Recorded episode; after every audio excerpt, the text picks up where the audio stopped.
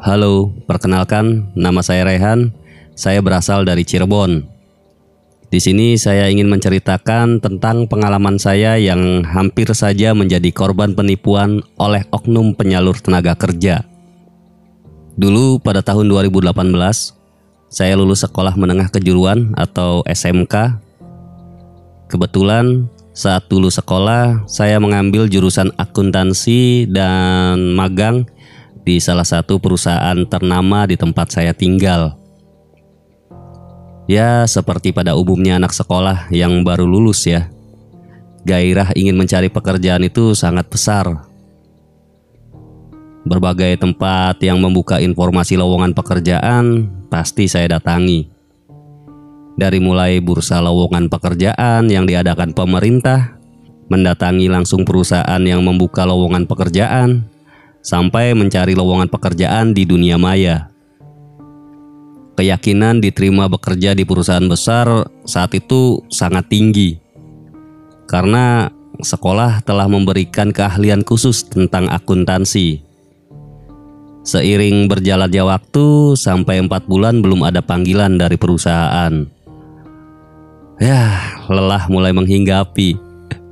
Rasa putus asa bercampur kekesalan mulai mendatangi. Kondisi ini yang membawa saya bertemu dengan oknum penipu yang mengaku bisa menyalurkan tenaga kerja di perusahaan besar di Jakarta, Kerawang, Bekasi, dan Bandung. Awalnya, teman menyampaikan bahwa dia pernah mendapatkan informasi dari temannya. Ada orang yang bisa menyalurkan tenaga kerja di perusahaan besar. Menurut dia sih, oknum ini memiliki banyak kenalan di perusahaan besar jadi proses penempatan tenaga kerja tidak akan lama. Asalkan membayar uang administrasi sebesar 5 sampai 10 juta rupiah. Atau bahasa kasarnya nih ya, harus nyogok ke bagian HRD. Singkat cerita, saya diperkenalkan dengan orang tersebut. Saat pertemuan, oknum itu berpakaian sangat rapi dengan dasi menempel di kemeja warna putih.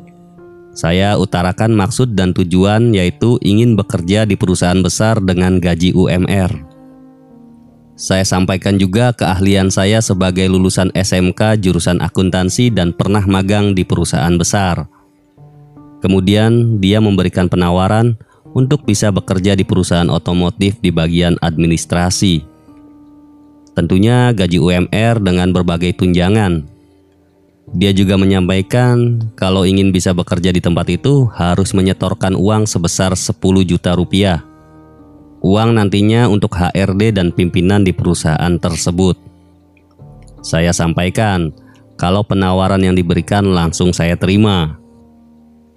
Uang pelican akan diberikan setelah dipastikan sudah bekerja. Si oknum pun menyetujui. Saya kemudian menanyakan kapan melamar dan kapan akan diinterview. Dia menyampaikan kalau lamaran nanti diberikan pada minggu depan sekaligus interview. Namun dia tidak ikut mengawal, tapi dia pastikan kalau lowongan itu ada di perusahaan tersebut. Hari yang ditunggu pun datang. Dengan mengenakan seragam putih hitam mendatangi perusahaan otomotif yang berada di Bandung. Saya sengaja datang pagi-pagi biar tidak terlambat dan bisa langsung interview. Sesampainya di sana sudah ada ratusan pelamar.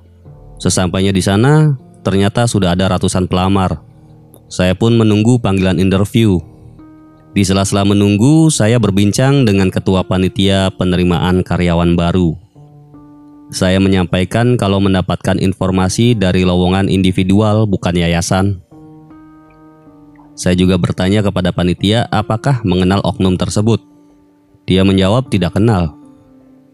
Dalam hati, mungkin panitia ini bukan orang HRD. Kemudian saya sampaikan kalau orang itu kenal sama HRD-nya. Dia langsung menjawab kalau dia sendiri sebagai HRD. Di sini mulai ada keanehan. Kenapa dia menjawab tidak kenal sementara si oknum mengaku kenal dekat?